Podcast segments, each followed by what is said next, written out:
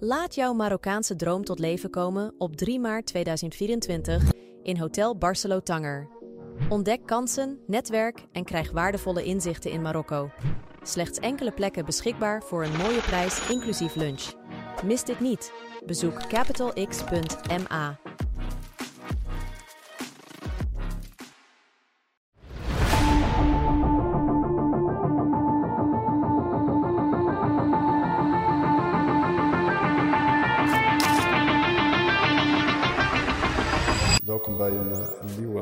aflevering. Alaikum en eh, welkom eh, bij een nieuwe aflevering van de High Frequency eh, podcast. Vandaag hebben we uh, Sid Zakaria. Zakaria is ook co-founder en CEO van uh, Iladeri. En daarnaast doet hij nog een heleboel andere leuke dingen. En Zakaria hebben jullie al eerder gezien. Assalamu alaikum allemaal. Dus, maar vandaag gaan we het meer hebben over uh, ja, Zakaria eigenlijk. Uh, want laatst was het meer Iladeri. En altijd leuk om het erover hebben. Leuk project. Maar zoals gewoonlijk altijd eerst een standaardvraag voor de mensen die de aflevering niet hebben gezien de vorige keer. wie is Zakaria? En dan gaan we vanaf daar vertrekken. Ja, assalamu alaikum. Mijn naam is Zakaria. 35 jaar inmiddels. uit Rotterdam. Nederland. Uh, ondernemer. Ik heb een uh, technische achtergrond. Ik uh, neem je even mee. opgegroeid, althans geboren in Den Haag. opgegroeid in Rotterdam-Zuid. En ik woon nu in Ridderkerk. Ehm, ja, hoe is het eigenlijk allemaal begonnen? Het is bij mij begonnen toen mijn vader, een, een computer voor mij kocht. Ik zat toen in groep 3. Kocht een computer van de basisschool die basisschool die had een project en dan kon je als ouder een computer tegen een laag tarief kopen. Nou, die kocht hij voor mij. Sindsdien is het eigenlijk, mijn passie voor computers is, is toen begonnen voor de techniek. Uh, in groep 5 begon ik al met mijn eerste programmeertaal te leren. Uh, groep 8 had ik al mijn eerste websites gemaakt. dus ja, ik was er gewoon heel vroeg bij. Uh, mensen die het nog kennen, MS-DOS tijd, Windows 3.1, 3.11, al, al die hele oude dingen. Welke uh, jaartal was dat dan? Poeh, nou kijk, Windows 95, ergens in het jaar 95, Windows 3.1, nou, dat zal ergens in de jaren 94, 93, okay. ja.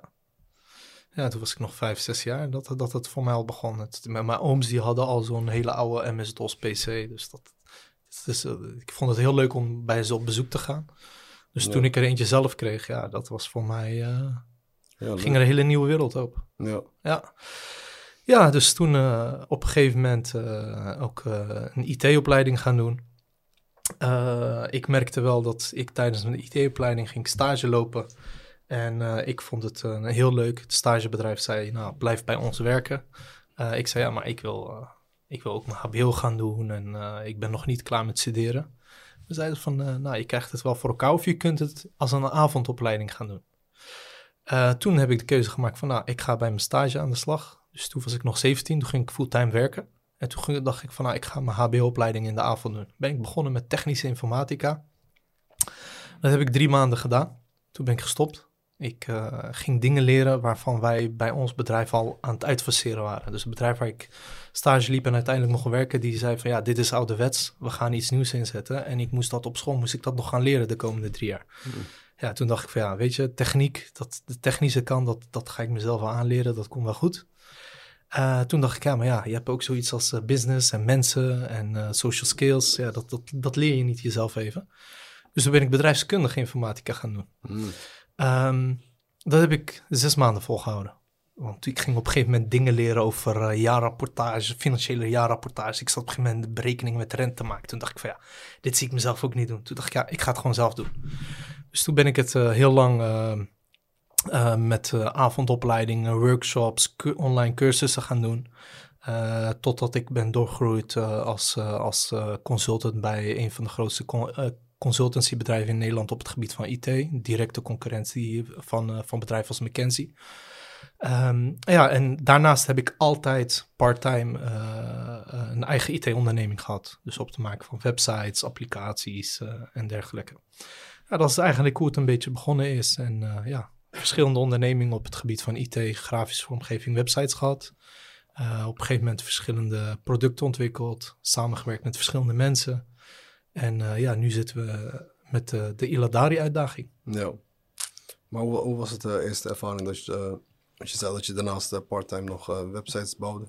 Ja. Was dat dan gewoon via via of hoe, hoe is dat ontstaan? Ja, kijk, uh, op een gegeven moment zit je in een netwerk van mensen en je hoort, uh, ik, ben, ik ben een heel actief persoon, dus ik, uh, ik gaf al heel vroeg workshops. ik deed dat voor Nederlands-Marokkaanse ondernemers, platform-Marokkaanse Nederlandse ondernemers en professionals. Dus heb ik toen op een gegeven moment, ik weet nog dat ik een, een training gaf over social media en het gebruik van hashtags. Toen dat nog helemaal nieuw was. Wat betekent dat? Hoe gebruik je dat? Wat voor effect heeft dat op je bedrijf? Uh, dus op een gegeven moment ja, bouw je een netwerk op van mensen die zeggen van oké, ik heb interesse in een website, ik heb interesse in hulp op het gebied van social media.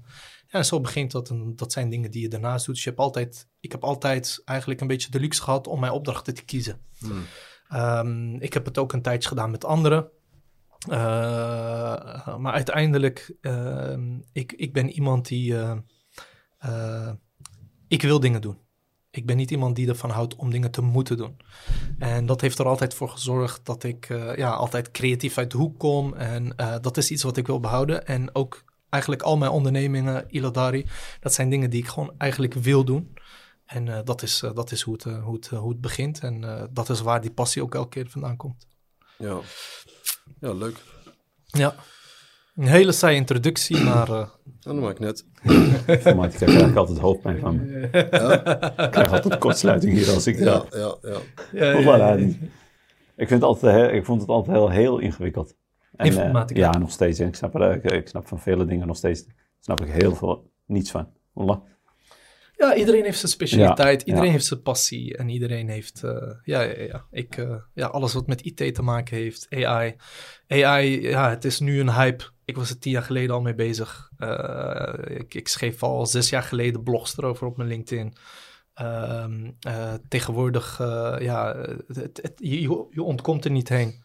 En waar heel veel mensen denken van, oeh, AI is heel bijzonder, zijn heel veel bedrijven nu al bezig met AGI ja, dat, dat is weer de volgende fase die we ingaan. En als we die fase ingaan, dan gaan we echt een flinke verandering zien. Um, dus ik, ik hou ervan om eigenlijk op die hele technische, innovatieve dingen te zitten. Dat is altijd mijn achtergrond geweest. Wat houdt het in, die EGI?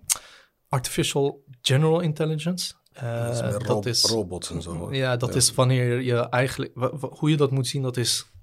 Nu heb je artificial intelligence heel goed in iets.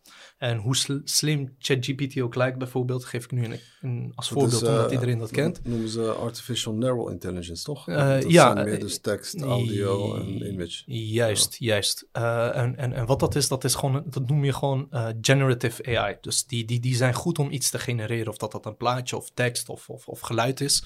Maar het is goed voor één specifieke taak. En je denkt dat het kan redeneren, maar het kan niet redeneren. Het is eigenlijk om het heel simpel in mensentaal uit te leggen, het is kansberekening. Ja, dus wat, hoe groot is de kans dat deze letter naar deze letter komt op basis van de vorige letters? Heel simpel gezegd is dat het.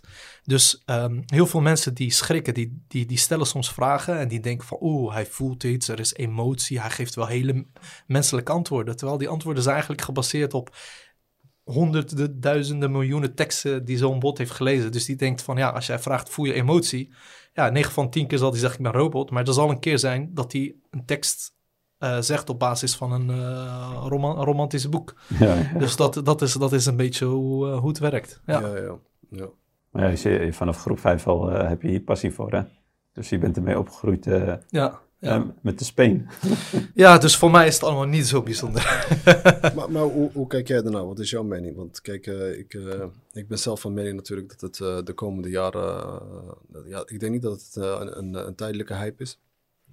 Ik denk zelf persoonlijk dat het onze levens gaat veranderen in de komende jaren. En ik denk zelfs over tien jaar dat, ja, dat we als we terugkijken dat we denken van... wauw, weet je, dat het, dat het zo snel is gegaan.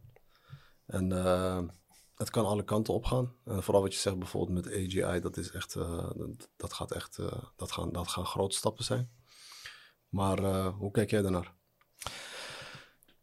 AI heeft ons leven al veranderd. Ja. hebben het niet door, maar ons leven is, is, is we hebben, iedereen heeft ermee te maken. Eh, scroll jij op je feed, heb je te maken met AI. De algoritmes eh, gebaseerd op AI. Eh, je koopgedrag, cookies, advertentiereclame, AI. Ehm, eh, steeds meer hoe het verkeerd wordt geregeld. Hoe dingen worden ge- geregeld bijna, binnen de overheid. Eh, hoe banken kijken naar, naar, naar, naar je koopgedrag, je transacties.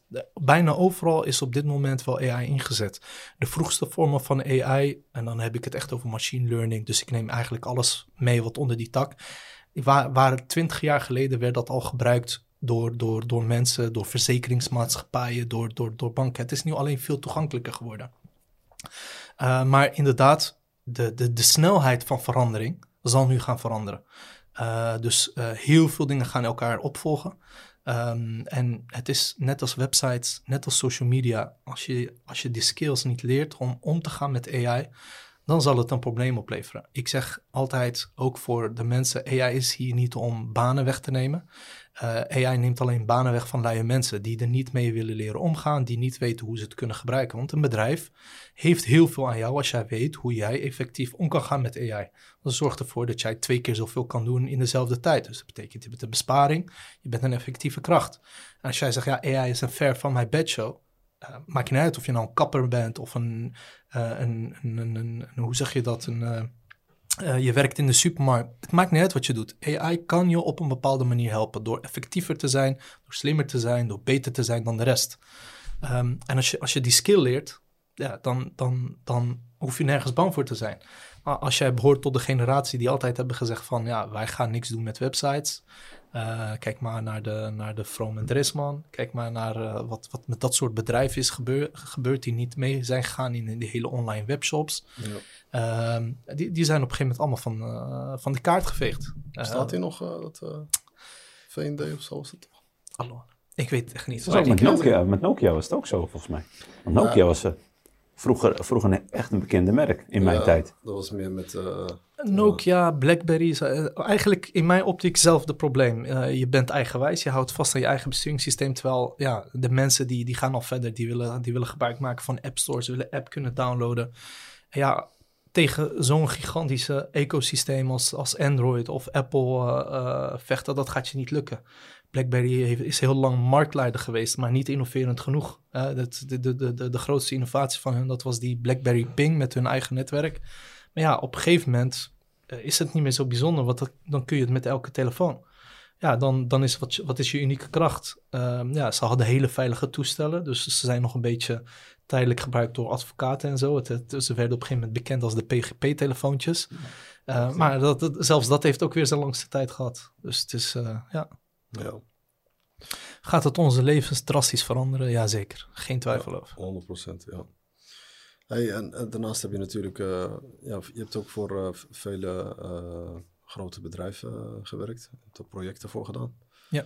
Nou, vertel ons wat leuke, leuke projecten die je hebt gedaan.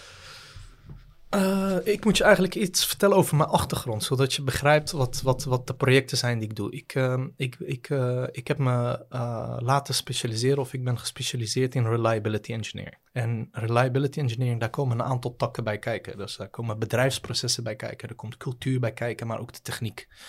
En wat je ziet bij heel veel bedrijven die, die willen gaan automatiseren, is dat ze uh, denken goed bezig te zijn door te gaan automatiseren, maar ze 9 van de 10 keer niet weten dat ze eigenlijk zichzelf uh, richting een doodlopend einde brengen. Heel veel bedrijven die worden nu, die kunnen niet snel genoeg innoveren, omdat ze automatiseringsmechanismes in hun bedrijfsprocessen hebben die tegen hun werken. Dus er is ergens een proces geautomatiseerd, maar omdat het geautomatiseerd is, kunnen ze andere dingen niet doen. En om dat specifieke proces te veranderen, dat is veel te complex, omdat er te veel van afhangt. En uh, wat er op een gegeven moment is gebeurd, is mensen zijn zich gaan interesseren van hoe is Google in staat om een product als Gmail, wat door miljoenen mensen wordt gebruikt, door eigenlijk een relatief kleine team te beheren. Terwijl als je gaat kijken naar een bankapplicatie, ja, die hebben meestal uh, honderden developers nodig om dat in de lucht te houden. Dus wat, wat doet Google anders? Uh, die, die hebben ook de term Site Reliability Engineering uh, bedacht. En daar komen een aantal concepten in terug. eh, die in het, in het echte leven door, door, door, door, door de brandweer worden gebruikt, die in het echte leven door banken en verzekeringen worden gebruikt, om bepaalde efficiëntie, efficiëntie, Efficiëntie. een woord die, die tienduizend keer zeg, komt er nu gewoon niet uit. Subhanallah. Een bepaalde efficiëntie te... Subhanallah, hij wil gewoon niet. Sla hem over. Efficiency. In het Engels komt hij heel makkelijk om dat te bereiken. Nou, nou wat, wat, wat zijn een aantal dingen die heel, heel, veel, heel veel bedrijven fout doen?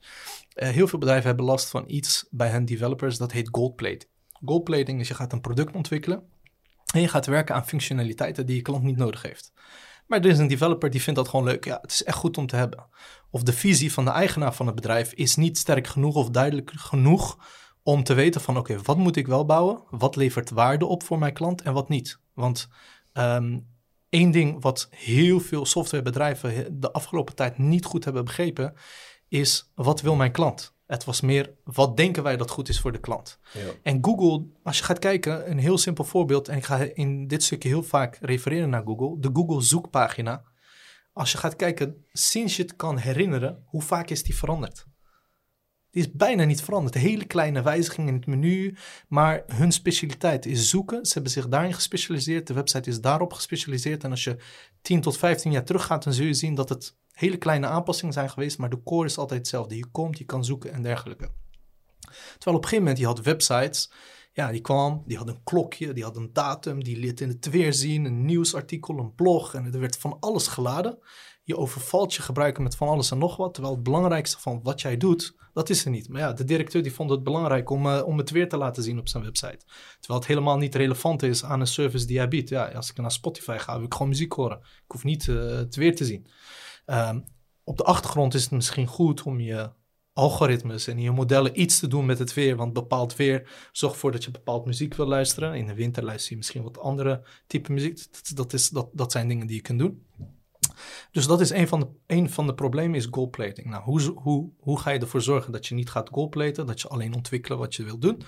Nou, er komt een bedrijf die wil een applicatie bouwen. Die gaat naar zo'n softwareboer. En die softwareboer die zegt, oké, nou, vertel maar eens over de beschikbaarheid van de applicatie. Uh, een server kan eens een keer kapot gaan, je kan een stroomstoring hebben. Dus je maakt een contract. Hoe lang moet die ap applicatie beschikbaar zijn per maand? Nou, dan zeg je um, een 9. In de softwarewereld werk je met uh, comma 9. 1 9 is 90%, 2 9 is 99%, 3 9. En des te meer negens je hebt, des te meer je nodig hebt wat je moet gaan verwerken in je applicatie en infrastructuur om op te blijven. Want als een bedrijf zegt, laten we zeggen een verzekeringsmaatschappij zegt, ja, mijn website moet vijf negens bereikbaar zijn, betekent dat je eigenlijk één uur eruit mag liggen per maand.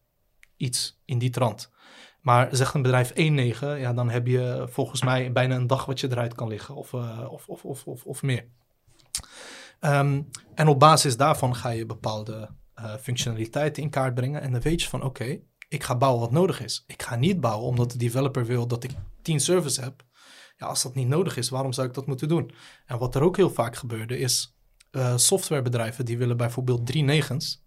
Terwijl de mobiele applicatie, de, de klanten die de app moeten gaan gebruiken, die hebben een provider waarvan het internetbereik twee negens is. Mm. Dus waarom zou jij voor drie negens willen bouwen? Terwijl de, de, de, de, de mobiele internetprovider van al je klanten niet kan garanderen dat hij twee negens kan halen. En jij wil iets bouwen voor drie negens. Dus dat zijn allemaal van die dingen die ervoor zorgen dat die softwareproducten heel duur waren, heel complex waren. En dat, er is nu een verandering gaande bij heel veel techbedrijven om dit allemaal te veranderen. Cultuur. Cultuur komt er ook bij, uh, bij kijken. Uh, een, een, een, cultuur waarin mensen aan zichzelf werken. Een cultuur waarin mensen samenwerken. Heel veel termen die vroeger werden gegooid is eilandjespolitiek. Dat is niet zomaar goed. Je had vroeger developers en je had systeembeheerders. Hè? De mensen die de systemen bouwden. En je had de ontwikkelaren die de software op je systemen, op je systemen plaatsten. Nou, dat, dat zorgde ervoor dat als jij groter werd als bedrijf, moest jij steeds meer systeembeheerders aannemen, omdat je moest steeds meer servers beheren. En dat waren fysieke servers. Dus dat betekent, ja, je had op een gegeven moment datacenters en die werden steeds groter. Um, terwijl Google, die zat vanaf een ander perspectief, die zei, we gaan het gewoon in de cloud doen. Hebben we één server nodig, zetten we dat in de code. Hebben we tien servers nodig, zetten we dat in dezelfde code. Dus het veranderen van een nummertje.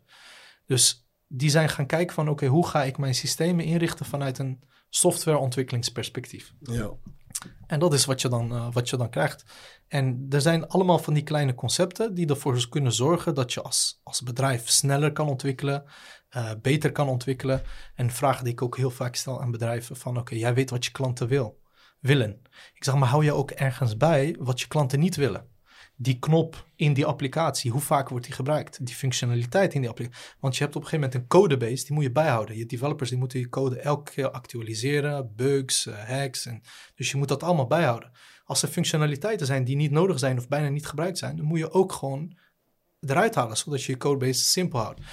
Ik ben nu een beetje te technisch geworden. Maar dat zijn allemaal van die elementen waardoor heel veel start-ups tegenwoordig durven op te boksen tegen die grote, langzame giganten. Die, die, die, die kennen dit soort concepten, die hebben dit soort mindset, die kennen dit soort raamwerk heel goed en die ontwikkelen ook op die manier. Die weten, oké, de klant wil dit, dit is wat ik ga bouwen. Ehm, en dat is ook hoe wij eigenlijk Iladari hebben neergezet. We zijn met Iladari zijn we echt begonnen met wat willen de mensen hier? Dus we hebben eigenlijk gewoon, we zijn gaan kijken van oké, eh, in plaats van, um, er zijn een aantal concurrenten zijn tegelijkertijd met ons begonnen. Uh, dus wij kwamen ook soms bij restaurants en die zeiden dan tegen ons, uh, ja, zij, hebben ons een tablet gegeven en kijk hoe mooi hun software eruit ziet. Drie maanden later, op diezelfde tablets draait nu onze software. Ze installeren onze software. Wij wilden niet gaan um, gaan investeren in hoe mooi het eruit zag. En hij wilde gaan bouwen wat waarde levert voor de klant. En dat is wat, wat, wat een stukje achtergrond vanuit de reliability engineer. Dus vanuit die hoedanigheid ben ik inderdaad ingehuurd door een aantal grote bedrijven. Ik heb gewerkt voor ABN AMRO, Booking, ING, Microsoft.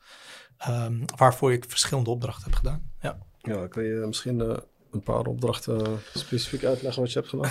nou, um, een, van de opdrachten is, uh, uh, er, is een, er is een bedrijf die heeft een, uh, een van de grootste AI en big data platformen ter wereld. dat gaat echt om bijna duizend petabytes aan data wat zij, wat zij hebben gestoord. Nou, petabyte, dat is, dat is echt een flink. Dus je hebt gigabyte, terabytes en dan petabytes. Het is onvoorstelbaar hoeveel data zij verzamelen in, in, in de dienstverlening die zij aanbieden. Alleen Um, die data die moet ergens opgeslagen worden. Dat moet gebackupt worden. Die data moet redundant opgeslagen worden. Gebeurt er iets, dan moet die data altijd beschikbaar zijn. En dat kost gigantisch veel geld. En um, dus uh, wij zijn eigenlijk, uh, ik, ik, ik ben uh, toen gevraagd van, kun jij meedenken in hoe wij dit verder kunnen optimaliseren? Hoe wij ervoor kunnen zorgen dat het team dat dit ontwikkelt en beheert en bouwt, dat we dat efficiënter kunnen gaan doen zonder dat dit impact heeft op onze dienstverlening. Wat ik dan doe is, ik, doe, ik, ik word dan ingehuurd, ik doe een aantal assessments. En daar kijk ik dus niet alleen naar de techniek, ik kijk naar de mensen die er werken. Um, ik kijk naar de cultuur die er is. Um, en ik kijk vooral naar contextbubbels. Heel veel mensen, als ze heel lang in het bedrijf... Ik, dat, dat, is precies wat ik je nu wilde uitleggen. Heel veel mensen, als ze heel lang in een bedrijf werken, dan leven ze in een bepaalde bubbel. De realiteit van het bedrijf en de klanten van het bedrijf. Alleen in die realiteit zitten ze, binnen die realiteit denken ze. Ik als buitenstaander kom, ik kan door dat soort contextbubbels heen kijken. daar waar jij zegt van dat kan niet, omdat jij in een bepaalde bubbel zit, kan ik zeggen dat kan wel, omdat ik buiten die bubbel kan kijken en durf te kijken. Ja, duidelijk. Uh, dus dat is een probleem wat je krijgt als je developers hebt die heel lang voor je werken. Dus dat, dat worden op een gegeven moment oude rotten in het vak. Uh, en en die, die, die, die zijn dan vastgeroest in een bepaalde manier van denken, in een bepaalde manier kijken van, van je systeem, waardoor ze ook hun oplossingen op een bepaalde manier bouwen, die niet altijd efficiënt, slim is. Soms technisch heel complex en dat je denkt van wauw, dat is wel heel slim hoe je dat hebt gedaan, maar totaal niet wat het bedrijf nodig heeft. Um, dus dan doe ik zo'n assessment en dan komen een aantal dingen eruit. Is uh, de oplossing, technisch moet er iets veranderd worden. Cultuur, de manier waarop mensen denken, werken, samenwerken, uh, moet veranderd worden. Processen, um, waarom moet Jan een handtekening zetten als hij er totaal niks mee te maken heeft en het totaal allemaal niet begrijpt? Ik begrijp dat het een formaliteit is, maar ergens in het proces gaat er iets mis, want zij moet altijd twee weken lang op zijn handtekening wachten.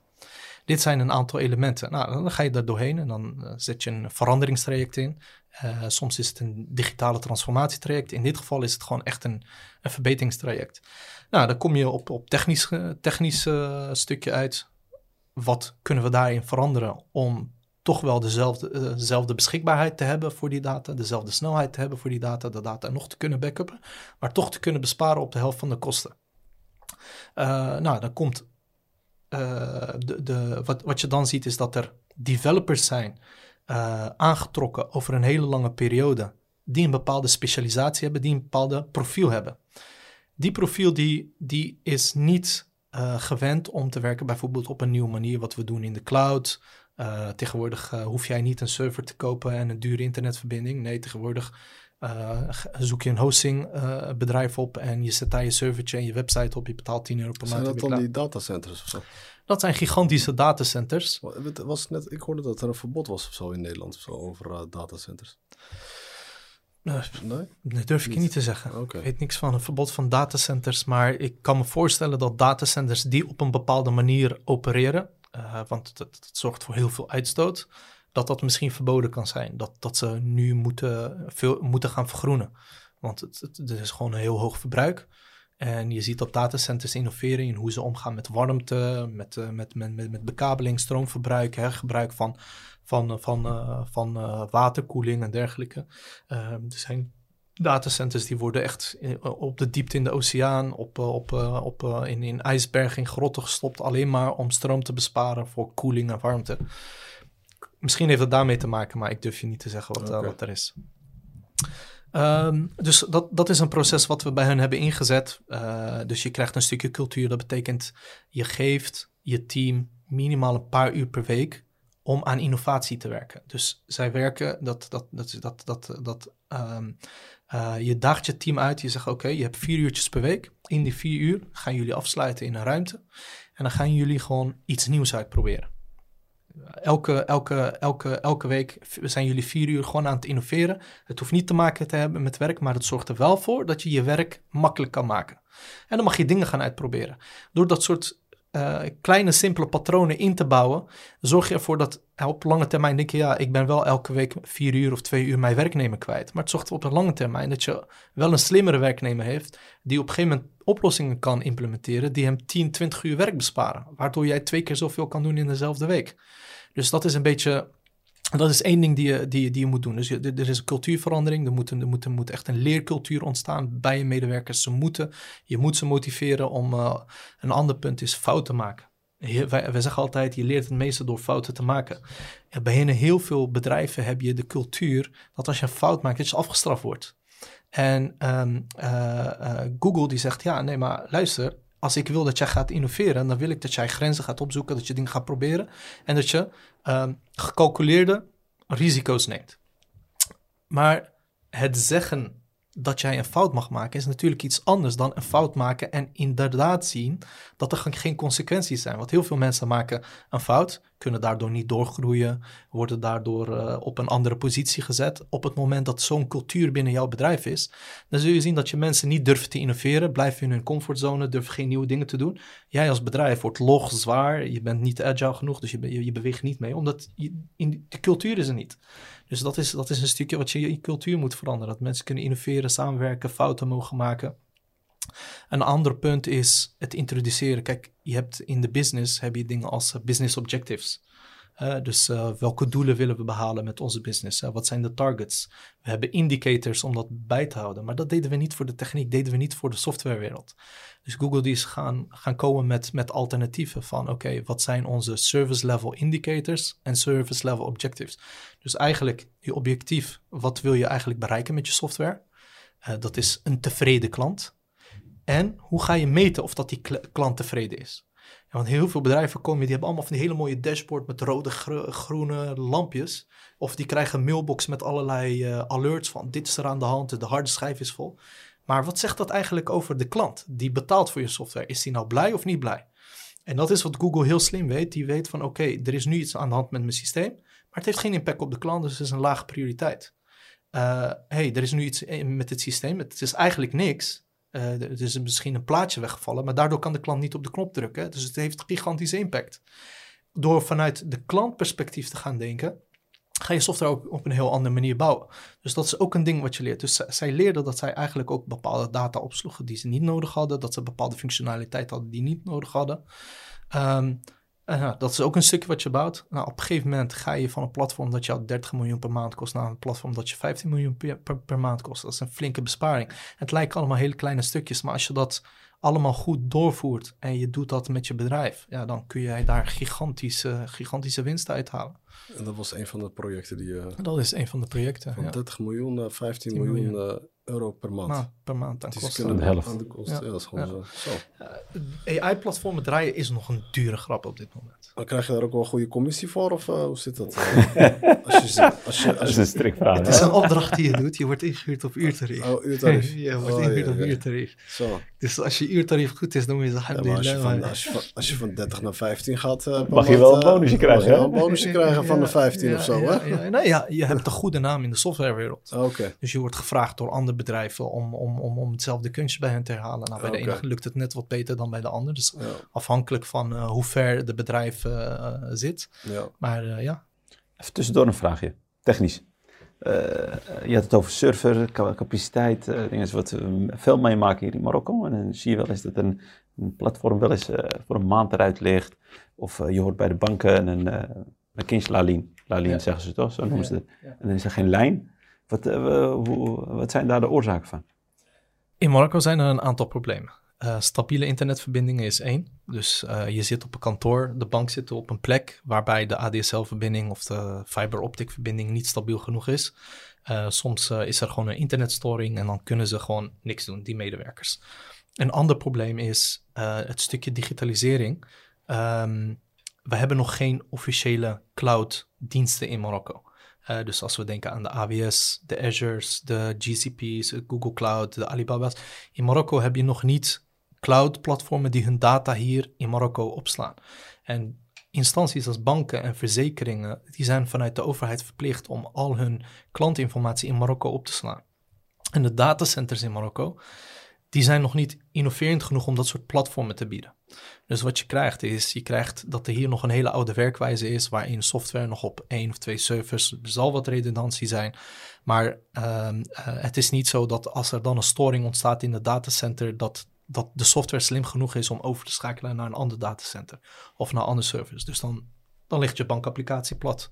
En hoe vaak dat hier gebeurt, dat, dat, dat eh, nou, laten we zeggen in een maand, hoe vaak de, de, de bankapps hier eruit liggen, hoe vaak je dat hoort. Oh, ik kan heel, gigantisch, dat, dat, daar heb je denk ik 100 jaar voor nodig in Nederland om, om hetzelfde te krijgen. En dat is gewoon puur omdat de techniek hier nog niet vooruit loopt. En hoe lossen ze hier dat, dat op dan, als er zo'n storing is? Of, eh, Je, wacht tot het datacenter te zeggen, we hebben het probleem opgelost. Dat, dat is gewoon heel simpel hoe het gaat. Eh, dus dus, dus eh, of het nou gaat om betaalverkeer, of het gaat op je app of je website. Als het datacenter eruit ligt, ligt gewoon eruit.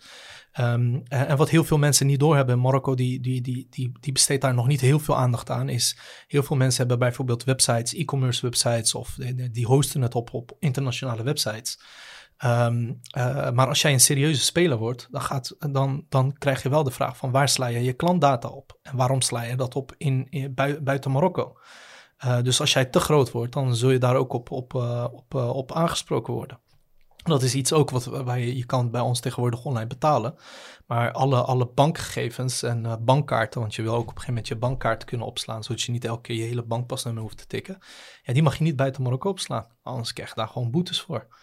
Dus, ehm, eh, maar ja, opslaan in Marokko betekent dat je samen moet werken met de datacenters in Marokko. En dan heb je te houden aan hun ja, uptime. En als die laag is, ja, daar, kun je niet, zo, eh, niet, niet, niet heel veel mee doen. Ja. dus alles wordt hier opgeslagen.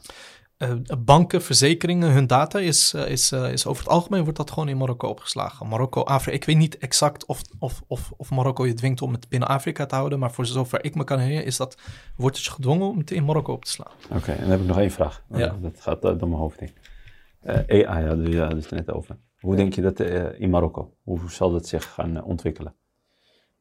Okay, jij ziet het waarschijnlijk natuurlijk vanuit Europa en waarschijnlijk uit misschien Amerika of hoe, ver ze, daar zijn. Maar hoe, hoe, denk je er hierover?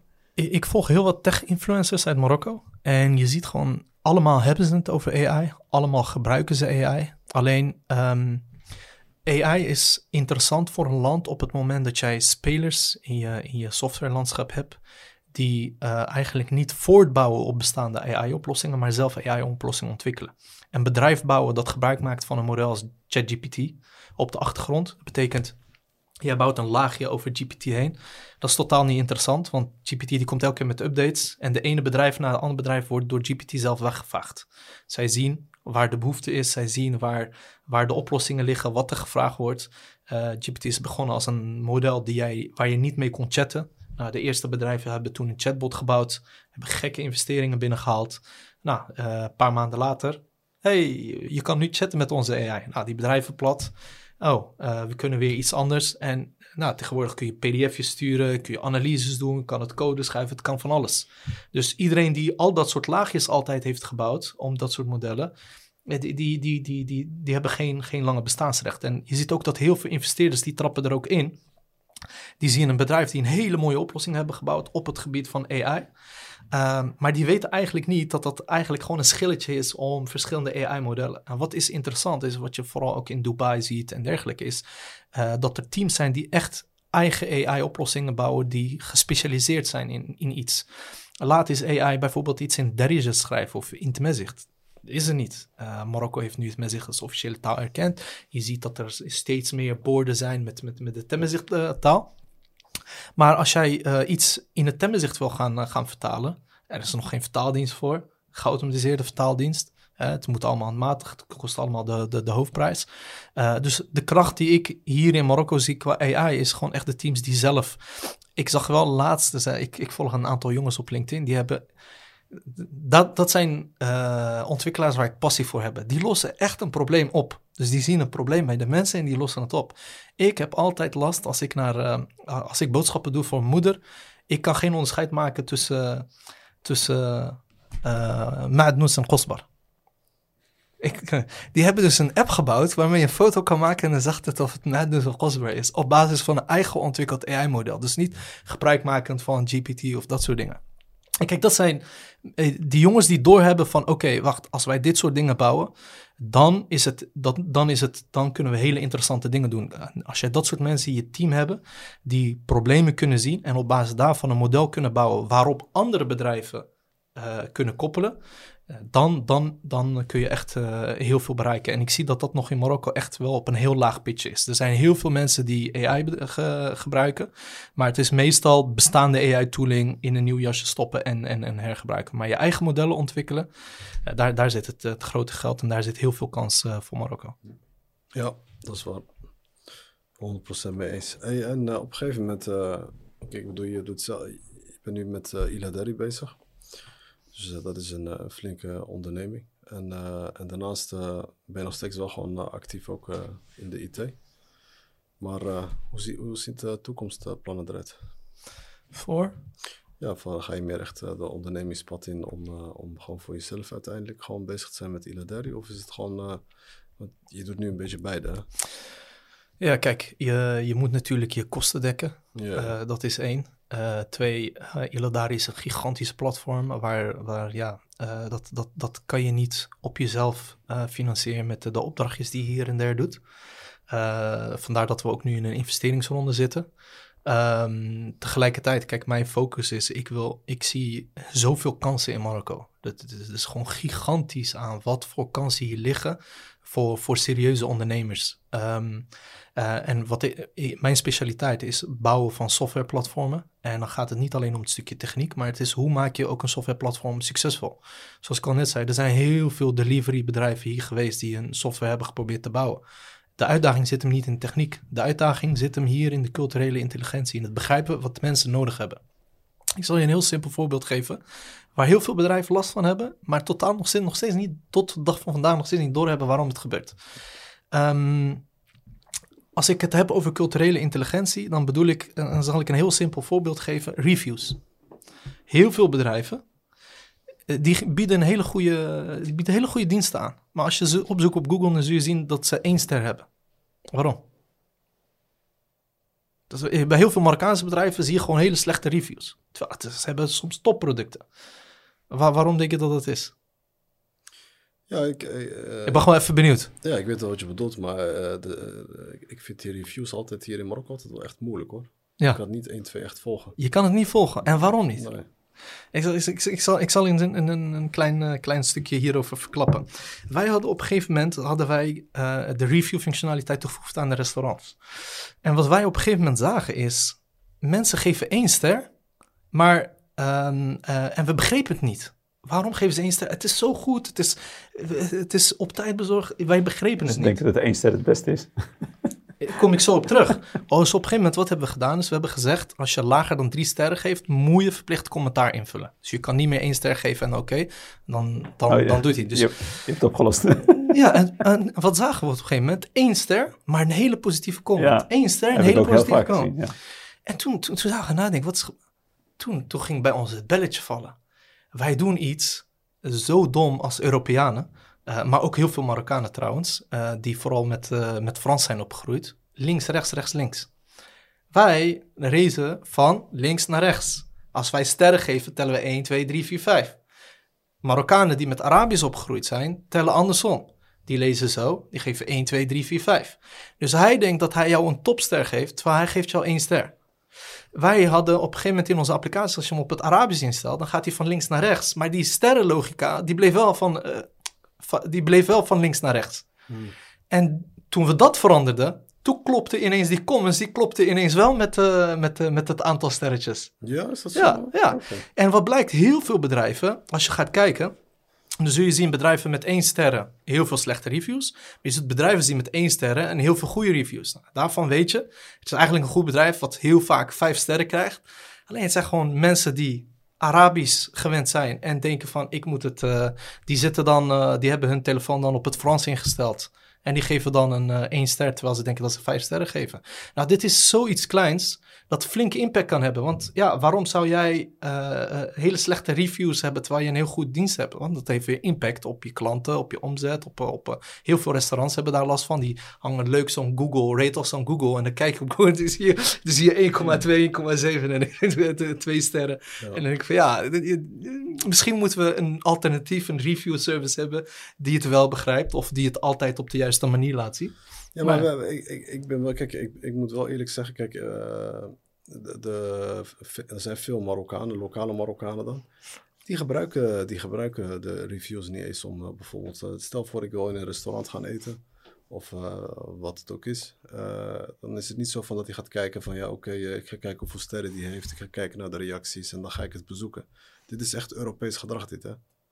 Die cultuur is er Ja, nog niet naar. Die cultuur is er nog, Nog niet. naar. nee, nee, nee, Dus nee. dat- is ook eh, een, een belangrijk punt. En dan heb je ook nog, eh, kijk, ik bedoel, wij hebben ook eh, zelf heel veel zaken. En dan zie je ook soms, als je bijvoorbeeld één niet tevreden lid hebt of klant of wat dan ook. Ja, dan eh, roept hij gelijk al zijn neven en zijn broertjes Ja. en zussen en dingen. En iedereen Dan zie je begint, hem ineens kelder, hoor. stond, je, stond je op eh, 4,7 of zo, 4,8. Op een gegeven moment sta je op 4,0. Maar Weet daar staan we toch ook in Nederland bekend mee. Als we ruzie Ja. hebben, dan halen we iedereen erbij. Dat, eh, dat, eh, dat, is, dat is gewoon cultuur. eh. Maar dat zie, je, dat zie je hier ook, hè? Dat Ja, gebeurt ja. hier ook heel Ja, ja, ja, nee, dat, dat, Maar het zal wel, het zal wel ergens in de toekomst zal Ja, wel komen. ja. eh, dit is een heel simpel voorbeeld, maar er zijn echt heel veel van dit soort kleine dingetjes. Als je daar geen rekening mee houdt hier met Ja, het ondernemen in Marokko. Ja. Eh, wij doen heel veel aannames. Eh, je hebt een spreekwoord, eh, assumptions are the mother of all F-ups. Eh, en wat betekent dat? Is, je moet je aannames valideren. En je ziet ook dat heel veel onderzoeksbureaus hier, op het moment dat je ze een onderzoekje laat doen, die doen ook heel veel aannames. Want Die, die, en als jij je bedrijf hier komt starten op basis van dat soort aannames, dan kun je echt flink tegen de muur gaan lopen ja, omdat je aannames niet valideert. En ehm, eh, er is ook iets ehm, eh, wat je ziet. Ze hebben op een gegeven moment een onderzoekje gedaan. Wat zorgt ervoor dat bepaalde personen binnen bepaalde bedrijven sneller kunnen bewegen dan anderen? Wat, wat, wat zorgt ervoor dat zij anderen kunnen outperformen terwijl dezelfde studie, dezelfde achtergrond? Een van de fundamentele verschillen, even los van wat ik allemaal heb benoemd, iets wat elke keer terugkwam, is iets wat ze noemen eh, first order thinking en second order thinking. Wat betekent dat? Is ehm, van nature, onze brein is geneigd om hele simpele antwoorden te geven. Om zo weinig mogelijk moeite te doen om tot een bepaalde antwoordoplossing te komen. Dus je moet je brein echt trainen om na te denken over iets. Heel vaak vraagt iemand, dan wil je al heel snel gaan reageren. Ehm, eh, en dat is, want onze brein die wil, die probeert zo weinig mogelijk energie te verbruiken, zo weinig mogelijk. Dus je, eh, in plaats van echt die complexe eh, breinfuncties te gebruiken. En wat ze elke keer hebben gezien, is sommige mensen zijn getraind op second order thinking. En wat betekent dat? Is dat op het moment dat jij denkt over een probleem, en je denkt over een oplossing en je kruist die eerste oplossing weg en je denkt wat dan? Wat, wat voor tweede, derde oplossingen er zijn. Dat zorgt ervoor dat je hele andere denkgedrag hebt, hele andere denkpatronen. Dat zorgt ervoor, en dat zorgt ervoor dat jij gaat denken over oplossingen voor problemen die je niet kan komen. De profeet Mohammed was daar echt super in. Die heeft heel vaak oplossingen toegepast waar de Sahaba radiallahu anhum boos om zijn geworden, maar op lange termijn goed is geweest voor ons. En dat zie je ook in heel veel van dit soort uh, innovatieve spelers, is dat zij niet kijken naar de eerste oplossing. Hoe vaak pas je iets toe en dan heb je er later spijt van. Denk je van, oh, het, klonk, op het eerste gezicht klonk het goed. We hebben het gedaan, maar het heeft toch verkeerd uitgepakt. Second order thinkers, die hebben daar bijna geen last van, want die denken van, oké, dit is de eerste oplossing die in mij opkomt. Die ga ik nu wegkruisen. Wat kan ik nog meer doen? En dat dwingt je al om wat complexere paden, dat dwingt je al om verder uit uh, na te denken. En dan pas ga je dingen zien die je eigenlijk niet ziet. En daar, zit de, daar zitten de, de winnende spelers. Ja. ja. Persoonlijke vraag? Ja. Achtergrond is uh, technisch. Ja. Uh, je hebt wel een platform opgebouwd. Ja. Maar je bent niet echt in de software dingen, terwijl daar wel een, een, hele grote markt voor is. Ja, klopt. Dus indirect wel, ja. maar direct niet. Ja, terwijl, terwijl, terwijl ik, ik hoor je praten en ik, ik heb je meerdere keren gesproken ik zie toch ik zie, ik zie heel, veel, heel veel kennis. Ja. Uh, waarom heb je daar geen gebruik van gemaakt? Um, kijk, ik... ik, ik um... Gaat je niks aan, kan ook. Nee, nee, nee, nee. Het, gaat je, heel, het gaat je heel goed aan. Ik, uh, ik, heb, uh, ik heb er hier heel lang over nagedacht. en ik wil het ook heel graag. Het is alleen niet makkelijk op te zetten. Ik, ik sta bekend als perfectionist. Ik wil dingen gewoon goed doen. Uh, is een sterke punt, maar tegelijkertijd ook een zwakke punt voor mij. Zorgt ervoor dat ik soms uh, mogelijkheden misloop. Uh, maar um, ja, het opzetten van een softwarebedrijf, dat kunnen. Kijk, je moet uiteindelijk. Moet je wel kunnen. hoe zeg je dat? Mensen moeten wel de pijn voelen om gebruik van jou te maken. dat, dat is, dat is waarom, wat mijn business zo hard. Zo, zo, zo moeilijk maakt. Is heel veel mensen voelen die pijn niet totdat het gebeurt. En wat jij eigenlijk wil doen, is je wil voorkomen dat die pijn is. Ik heb op een gegeven moment heel veel business coaches gezeten van ja, hoe ga ik iets verkopen wat eigenlijk nog geen probleem is bij een klant? Hij zei, ja, luister, hij zegt, dat is gewoon heel lastig. Hij zegt, of je moet hele goede salesmensen hebben. Hij zegt, of je moet gewoon gebruik maken van de pijn van andere klanten om, om brood te halen bij andere klanten weer, die die pijn nog niet hebben gehad, maar dus je gewoon een voorbeeld geeft. Um, en om, om zoiets op te starten, dat heeft gewoon tijd, geld, capaciteit nodig. En ik heb nu besloten om gewoon even focus op, op Iladari. Wat kleine projectjes om ervoor te zorgen dat ik gewoon wel uh, mijn vaste lasten kan, uh, kan, uh, kan dekken. Maar op, op lange termijn is dat iets wat ik heel graag wil. Want ik zie gewoon heel veel problemen die we hier hebben op het gebied van IT. en die, we, die we kunnen oplossen. En ik vond het mooi wat je zei, want wat wil de klant en niet wat kan ik de klant bieden? Juist. Hoe, hoe kan ik zijn problemen oplossen? Ja, en zolang de klant een probleem niet heeft, ja, is het gewoon heel lastig. Ja. Ja, leuk. Zeker. Interessant, het doet wel pijn in mijn hoofd, weet je, deze, deze gesprekken. Ja, ja, ja. ja, ja, ja, Hey, en uh, tot nu toe uh, je ervaring nu in Marokko, want uh, we zijn natuurlijk nu alweer maanden verder. En wat zijn, hoe kijk je daarnaar? Ja, om heel eerlijk te zijn, beter dan verwacht. Veel beter dan verwacht. Ja, ik, ik, ik, ik ken Marokko, laat ik het twee jaar teruggaan daarvoor alleen maar doemscenario's. Dat is hoe ik Marokko kende. Uh, op het gebied van ondernemen, bedrijven opstarten. Ken je een familie? Ja, ze hebben dit mij aangedaan. Ken je iemand in de business? Ja, dit is wat personeel me heeft aangedaan. Ja, je hoort op een gegeven moment heel veel verhalen. En heel veel kan ik bevestigen, maar ook heel veel is een beetje overdreven. Uh, sommige mensen die hier komen ondernemen, die zoeken het echt op. Geen goed vooronderzoek, geen veldonderzoek. Dat zeg je ook heel vaak. Dat is echt super belangrijk. Uh, te veel rekenen op anderen. Uh, hier, vooral in het begin, ik zeg micromanagement. Ik zeg altijd, blijf daar ver van weg. Maar in Marokko, als je begint, in het begin is micromanagement heel belangrijk. Mensen moeten weten, wat kunnen ze wel, wat kunnen ze niet, tot op microniveau. Doe je dat niet, dan zul je zien dat ze je over je heen gaan lopen. Ze gaan dingen doen die voor hun misschien heel vanzelfsprekend zijn, maar dat jij denkt van, echt, wat is dit voor een ezel? Um, dus wel, dat, wel. Wat? We hebben net een woord voor hun. Het is een dwel. Zoals een dwel is. ja, dus, dus, dus, maar op het moment dat jij mensen bij de hand neemt en je legt ze uit en je leert ze hoe jij denkt, hoe jij redeneert, wat zijn de grenzen, de cultuur. En je hebt een solide groep mensen die jouw cultuur en mindset adopteren en op die manier te werk gaan. Iedereen wie daar binnenkomt, die treedt op een gegeven moment binnen een cultuur die zich versterkt. Hij denkt van, wacht, ik ben anders dan de rest. Eh, De, de rest denkt van, hij is anders dan ons. Op een gegeven moment wordt dat allemaal rechtgetrokken. Ze, ze leren van elkaar. En dat is denk ik een, een hele belangrijke. Kijk, personeel is echt, echt een, een, een lastig probleem hier. Eh, ehm, eh, dat zorgt ervoor dat je ook. Comedy. ja, het is comedy. Ik zal dat nooit vergeten. Nee, ja, soms. Ja, ja, we, we hebben echt comedygevallen. Eh we hebben echt weer een comedygeval gehad. Hè. Ik weet niet of Ali het er even op gaat. Maar- Nee, maar- Noem het, zeg wat, wat is er gebeurd. Ja, we, we hebben, Dat is een voorbeeld. We, we hebben iemand ontslagen die, eh, die eh, elke dag een uur te laat kwam en een uur te vroeg vertrok. Eh, meerdere gesprekken aan gehad. Dit zijn je starttijden. En eh, op een gegeven moment, ja, we- ook nog even functioneel, eh, ook wat, wat, wat dingen die niet, niet, niet goed gingen. Dingen vragen en niet doen. En wel andere dingen doen die we niet hebben gevraagd. Maar op een gegeven moment heb je dan een gesprek van we gaan stoppen met je.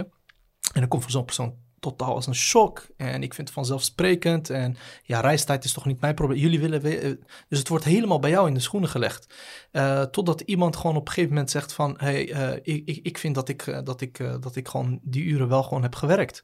Dat, dat, dat jij denkt van, oké, ik, ik zit fout.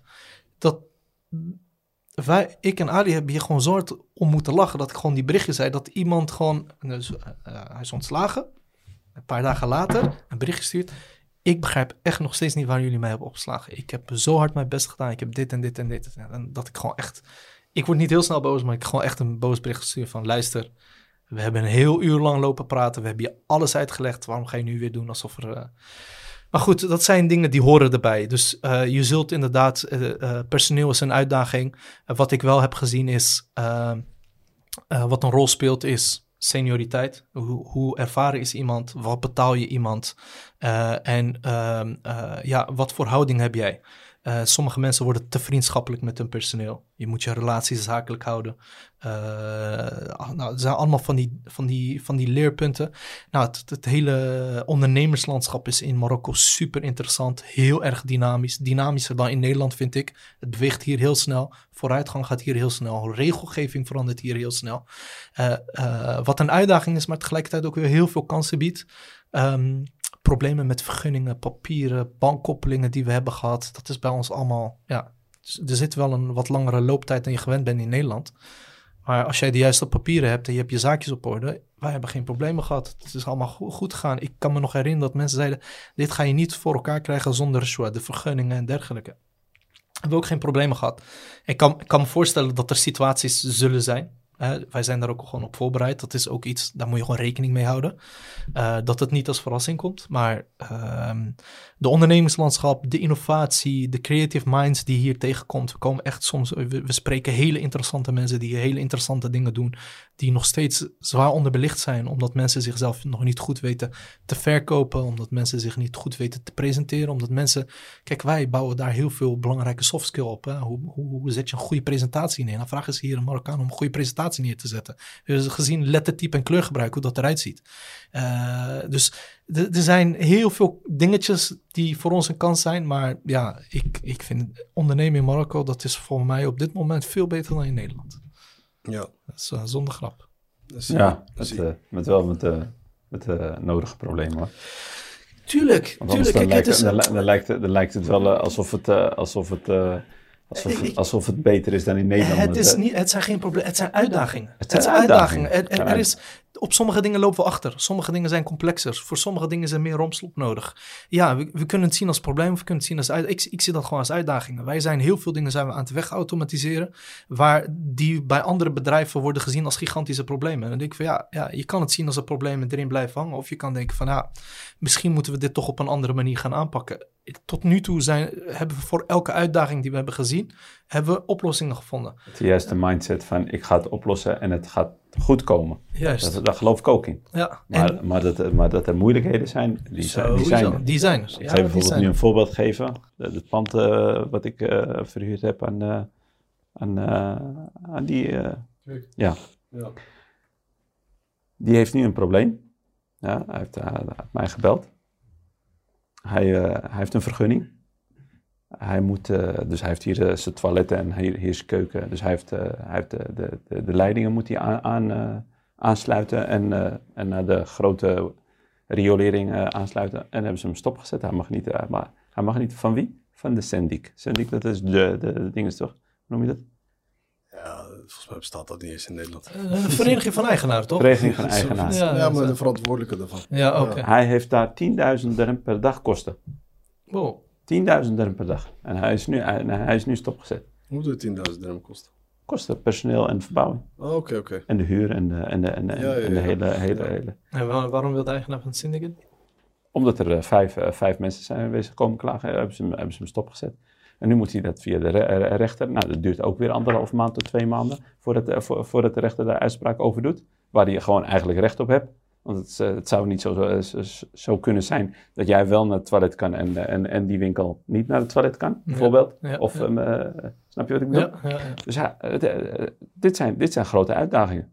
En dan denk je van, wat, wat, wat gebeurt hier? Ik investeer zoveel geld, ja, ik huur voor zoveel geld. En eh, ik, weet, ik, weet, ik weet dat eh, zijn investering rond, rond de vij- 500.000 euro kost, zo'n eh, zo'n eh, franchise neerzetten.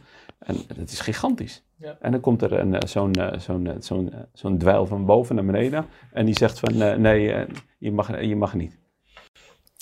Ja, ja, dat, eh, dat klopt. Dat zijn uitdagingen. Ja, eh, dat, zijn, flinke uitdagingen. Zijn flinke uitdagingen. En hier, moet je hier moet je tegen kunnen. Is, want, is eh, zo'n iemand meegenomen vanaf het begin van het proces? Het tekenen, het, het, goedkeuren van de plannen. Is, is die daarin meegenomen of is deze man nee, ineens naar beneden gekomen? Dit is gewoon, dit is gewoon onwetendheid, al-hikd. Aannames. Snap je? Ja, het is wat we zeggen, aannames, ja. Maar hij heeft wel de recht om jou stop te zetten, die ja, syndiek. Ja. Snap je? Dus dat zijn uitdagingen. uitdagingen maar, waar, waar, hoe heeft hij de recht om jou stop te zetten? Want dat begrijp ik ook niet. Waarom zou ik naar die syndic luisteren? ja, je, je, je kan, je kan niet naar binnen, je kan niet naar beneden. Hoe bedoel je, kan niet naar, Je kan niet naar de garage, kan niet naar de garage? snap je? Ja. Dus, dus de- Ja, maar, dat is, maar, hey, maar hij heeft wel, wettelijk heeft hij gewoon recht om... tuurlijk, naar daarom beneden heeft hij nu ook een ding. Dus, eh, ik. Ja, heb, dan geef je hem toch bom gewoon naar beneden, naar beneden lopen. dat zou ik gedaan hebben. Ik ja, heb, ik ga gewoon naar binnen, Ja. naar beneden. Ja. Ik ga mij niet stoppen. ja, Als ik je me heb- aanraakt, dan is het ik, heb, ik, heb, ik, heb, ik heb dat ook allemaal meegemaakt. Nee, ik heb dit meegemaakt. Ja. Want wat hij nu zegt, Ja. want ik kreeg- weet je wat bij mij en, omhoog ging? en dat is slopend, hè? ja, ja, Dat is echt, dat is hier slopend. Want jij denkt van, hé, hey, wat is dit? Vijf, ik heb zoveel investeren, ik heb zoveel huur. Ik moet, ik moet heel snel open, want eh, mijn kosten, mijn kosten, eh, daar heb ik laatst eh, in, in zo'n aflevering over gehad. En, en, en, en, ze je stopzetten zijn. Ja, ja. En dan ga, dan, ga je, dan ga je denken, dit is echt, dit is echt uit slecht, het is gewoon een slecht hart hebben. Want, want logisch nadenken, ik heb een pand die misschien zes keer jouw pand eh, wa- waard is. Ik ben ook mede-eigen- me- mede-eigenaar in het complex, dus ik heb dezelfde rechten. ja. Waar moet mijn riolering heen? ja. ja. Laat ik logisch even nadenken. Waar moet mijn riolering heen? Maar waarom, waarom wilden ze het niet dan? Hè? Waarom wilden ze het eigenlijk niet? Wat was de reden? Hier is het jammer. Gewoon, eh, het, eh, Gewoon zomaar. gewoon zomaar. Ja, dat is ziek. Ja, nee, maar dat, dat, dat zijn uitdagingen die je hebt. Je, je hebt je, Ik ga je een ander voorbeeld geven. Dit is eh, pas recent. Daarom zeg ik van, het is leuk, het is leuk als dit gezegd wordt, maar het moet uit... eh, Dat is Tuurlijk, precies waarom ik in de SaaS wil. Ik wil niks te maken hebben met fysieke dingen. Tuurlijk. Geef mij code. tuurlijk. Er zijn nog weinig mensen die daar iets Tuurlijk, over kunnen Met zeggen. de juiste mindset. Ik geloof daarin. En eh, als je het wil bereiken. En hij gaat ook daar open. Ja, ja. Ik weet dat hij daar open gaat. Alleen ik zou het anders, anders doen. Met, met de ervaring die ik nu heb. Alleen hij, hij is nog, ja, hij is net beginnende. Dus hij is voorzichtig. Vergunningen aanvragen. Er is een platform voor, ge- voor gecreëerd. Ja, bij de gemeentes.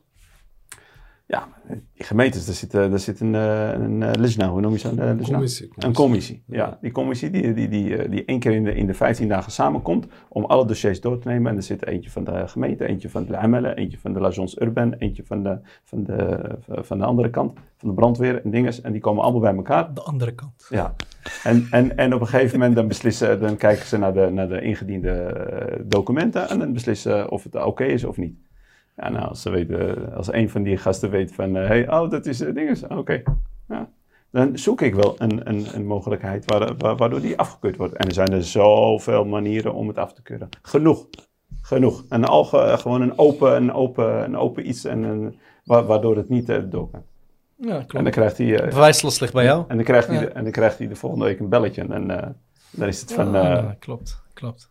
Klopt, Snap maar je? dat, dat is en ook... dit is, dit is nu digitaal. Ja. Dit is nu digitaal en het gaat nog steeds Snap je? Nee, maar kijk, dat, dat komt omdat het digitaal aan de voorkant is. Het proces zelf, daar is niks digitaals aan. En dat is met heel veel portals van de Marokkaanse overheid is dat zo. Het is leuk, je kan, eh, je kan dingen indienen en dergelijke. Kijk maar nu, je kan bij de consulaat afspraken maken online. Eh, maar goed, eh, aan de achterkant zijn het allemaal mensen die, die op oké klikken. En, Precies. er dus Ja. eh, eigenlijk wat we hebben gedaan is, dat, dat is een beetje schijn, eh, schijninnovatie. Eh, het ziet er allemaal leuker uit, maar Ja, maar deze had wel vier, vier, vier, vier eh, flatgebouwen. Hè? Ja. En die zijn allemaal alle vier afgekeurd. ja, lastig, lastig.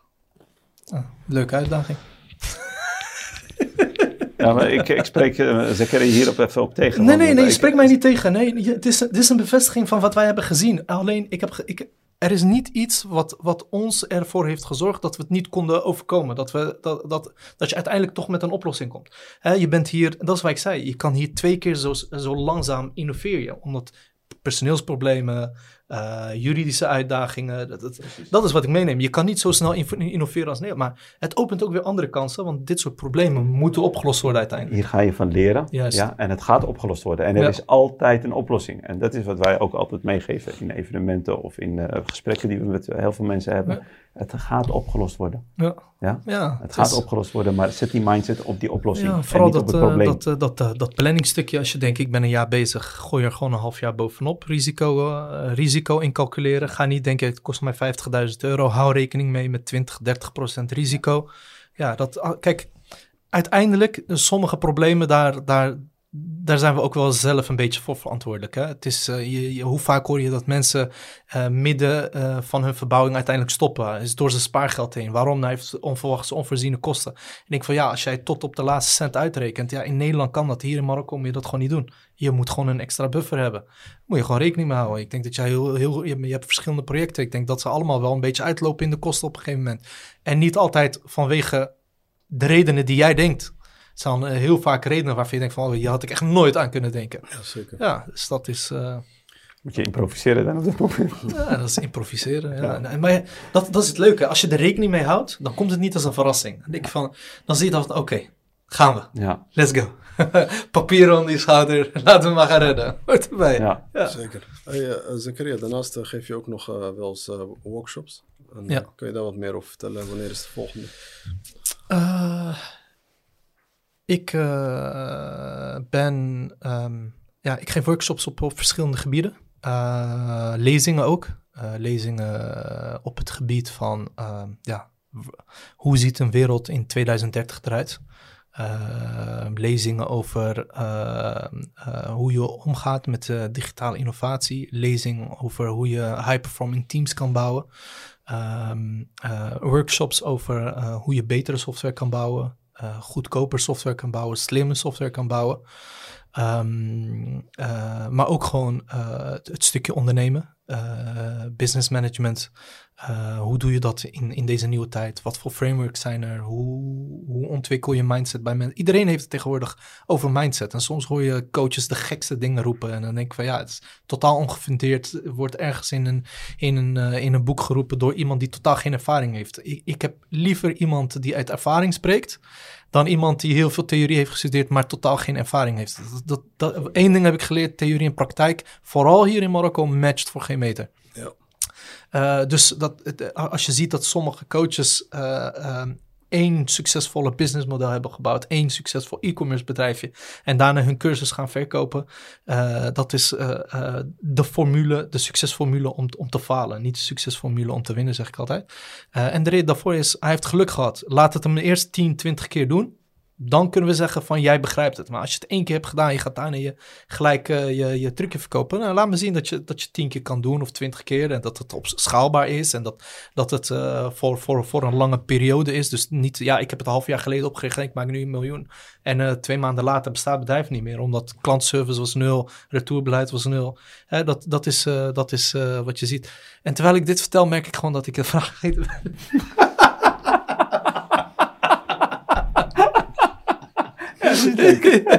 ik moest even die, uh, ik neem een zijpaadje. wat, wat zei je nou? Ik, ik, denk, waar ga je nou heen? Man? Ja, die cursus, ja, die cursus, ja, die, die, die, die, die workshops. Ja. Wanneer is het? Mijn frustratie even uit over bepaalde trainers. Ja, ik wou tegen je zeggen, je spreekt, niet- je spreekt niet mensen aan. ja, ja. ja. Je bent kwaad. Ja, nee, Ja, dat, was is, ik eh, net ook, hè. Dat was ik net ook. Innerlijke... Leef je ja, je ja, ja, ja. ja, ja. maar maar wanneer, wanneer is de volgende workshop en waar gaat het over? Ah, 3 maart. Drie Eh, maart. 3 maart op... eh, oh, dat is op het evenement. Ja. Ja, op het evenement Ja, ja, ja. gaan we, gaan we een, eh, een, Ja. eh, een eh, leuke sessie doen. Ehm, eh, ik denk dat het een tweedelige sessie, eh, sessie wordt. Een stukje over de toekomst van ondernemen in, eh, in Nederland en Marokko lijkt me een hele leuk om over te praten. Ja. Maar ik denk ook een stukje eigenlijk concrete handvaten over hoe je echt een, een, een inno- innovatieve onderneming in Marokko kan hebben. Ehm, eh, want innovatie hier is, is anders dan innovatie in Europa. Er zijn elementen van innovatie die we nog niet in Europa hebben. Eh, ehm, eh, ik, als jij denkt dat een land als Nederland op dit moment het goed doet, ik wil de laatst, ik, ik ben de afgelopen tijd best wel veel in Marokko. Ik, ben, ik heb wat blauwe enveloppen thuis, die ik nog niet had geopend voor de afgelopen vier, vijf maanden. Dus ik, ik zie reminders, ik zie verhogingen. Maar ik raakte gewoon de kluts kwijt. Je hebt op een gegeven moment BV'tjes, holdingjes. En eh, je weet hoe dat gaat. En dan krijg je van alles elke dag blauwe brieven. Dat is echt niet normaal. Ze zijn supergoed in het versturen van blauwe brieven. Maar ik raakte het overzicht kwijt. Dus ik denk, wat ga ik doen? Ik ga ergens inloggen en dan zie ik wat ik open heb staan. Dan ga ik betalen. Het is er niet. Ik bel met de Belastingdienst. Ik zeg, ik wil een overzicht van wat er open staat. Wa- wa- Waar heb ik mijn, mijn, mijn eh, loonbelasting gemist? Waar heb ik mijn omzetbelasting gemist? Ik wil het gewoon even kunnen betalen. Is dat Ja, niet op dat eh, DigiD? eh? E-herkenning heb ik aangevraagd, betaal je voor. Oké, je kan het aftrekken, er zijn allemaal constructies voor. Ik vraag het aan om in te loggen op die belastingportaal, want dat, dat had ik nog niet. Dus ik log in en het enige wat ik zie is, ja, ingediend, ingediend, ingediend. Maar ik zie nergens een bedrag op. Ik zie wel dat je, dat je kan betalen met iDeal, maar blijkbaar kan dat alleen onder bepaalde voorwaarden, als je het op een bepaalde manier indient. Maar bij mij, ik kon niks en ik bel met die vrouw, met de Belastingdienst, die vrouw neem op. Ja, nee, het is er nog niet. Ja, willen we wel nog naartoe, maar dat kost nog tijd. Ik van, je, wat, wat is er innovatief aan? Als, als, als, je, als je gewoon niet eens je belasting overzichtelijk ergens kunt terugzien. Ja. Eh, dus dat, dat, er zijn, ja, eh, eh, in, in Marokko heb je dat soort problemen niet. In Marokko zegt gewoon de account, dit is, dit is het bedrag, stuurt je een link en je kan het betalen. Tegenwoordig, ik zie bijna op alle papieren QR-codes. Dus de, over- de digitale overheid is hier op bepaalde plekken al veel verder dan, dan in Nederland. Oké, het, is- het wordt niet gelijk in heel Marokko doorgevoerd. Eh, je kan eh, op bepaalde plekken in Casablanca kun jij eh, via automaten met je nieuwe identiteitskaart kun je bepaalde actes afdrukken. Hoef je niet voor naar de gemeente. Dat heb ik nog niet in Nederland gezien. Dus er zijn, er zijn, dat, dat zijn allemaal van die, van die elementen die, die, die heel interessant zijn. Ja. En dus, eh, je, ja, dus Zakaria is ook aanwezig op eh, 3 maart, de Marokkaanse Droom. Evenement in Hotel Barcelo. Dus mensen kunnen zich daar nog voor aanmelden. En eh Zakaria gaat daar een eh, leuke presentatie geven. Yes. En eh, wordt een leuke dag. Wat was je laatste ervaring trouwens? in, want je was aanwezig in Utrecht, Ja, toevallig. ja ehm, dat was inderdaad in Van der Valk. Het was echt een topdag. Ja. hele interessante mensen. Eh, ja, ik, heb hiervoor nog een meeting gehad met, eh, met eh, iemand die we daar hebben ontmoet. Die veel doet met marketing, heel actief is in Marokko. Ehm, Die was aanwezig op het. die was evenement? aanwezig op het Ja. event, die sprak ons aan. Die zei, leuke podcast. Nou, wat doe jij, wat doe jij? Nou, op een gegeven moment, ja, die dag echt zoveel mensen gesproken. En sommige mensen hebben je raakvlakken, sommige mensen overeenkomsten. Dus netwerken was, was ideaal. Ehm, de sessies waren super interessant. Ehm, eh, ja, het is echt een topdag. Ik denk dat als je interesse hebt om iets te doen in Marokko, of je bent net begonnen in Marokko, of je wil meer weten over ondernemen in Marokko, dan is dat zeker een event waar je, waar je bij moet zijn. Dat zijn eh, ja, ik ben zelf spreker. Ik, eh, het is niet dat ik bevooroordeeld ben. Ik meen het oprecht. Het is echt, je krijgt daar hele waardevolle informatie mee. Ja. Ja, zeker. Nou, Zakaria, ik, ik dank jou voor je tijd en dat je langs bent gekomen. Dankjewel. Het was Graag gedaan. Een leuke verhaal om, om aan te horen. Inshallah. Ik hoop dat je er wat aan hebt. We zien je de volgende keer. Dat ook Samen. tegen Blali gezegd. Dat zou iedereen in de volgende stappen zijn. Ik zeg, je gaat een andere stad aanvallen. Zegt hij, nee, ja, wat aanvallen. ik zeg, wanneer gaan jullie nou naar een andere stad? Ja, ja. Je, je, je hebt fases en je moet alles op het juiste moment doen. Dat is, dat is hier. eh, ik, eh, we hebben het eh, over, over waarom sommige dingen falen. Sommige mensen starten dingen op, op het verkeerde moment. Twee maanden later komt iemand, mezelf komt, ze hebben het werkt wel. Eh, soms is het niet altijd omdat iemand geen goede ondernemer is, maar omdat het gewoon net te vroeg is. Ja. Eh, voor ons, wij zitten nu in Nador en Tanja, willen naar andere steden. Alleen daar moeten we nog het een en ander goed eh, voor elkaar hebben op ons platform. En dan kunnen we dat eh, doen, inshallah. Ja, inshallah, we wensen je al het beste, inshallah. Shukran. Ja. Wat klaar Oké, bedankt uh, Ja. jullie ook. En eh, tot de volgende keer. Shukran. Yalla, Salam. Mijn naam is Mohamed Ayatari. Ik ben de algemeen directeur van AAA. Is uw bedrijf klaar voor de toekomst? Bij AI Automation Agency brengen we innovatie naar uw deur. Wij zijn expert in het stroomlijnen van bedrijfsprocessen door middel van geavanceerde AI-technologie. Stelt u zich een wereld voor waarin uw dagelijkse taken efficiënter, sneller en foutloos worden uitgevoerd. Van klantenservice tot financieel beheer. Onze op maat gemaakte AI-oplossingen zijn ontworpen om uw bedrijf te transformeren. Neem vandaag nog contact met ons op en ontdek hoe AI Automation Agency uw bedrijf kan helpen groeien, innoveren en boven de concurrentie uitstijgen. AI Automation Agency transformeert uw bedrijf met de kracht van AI.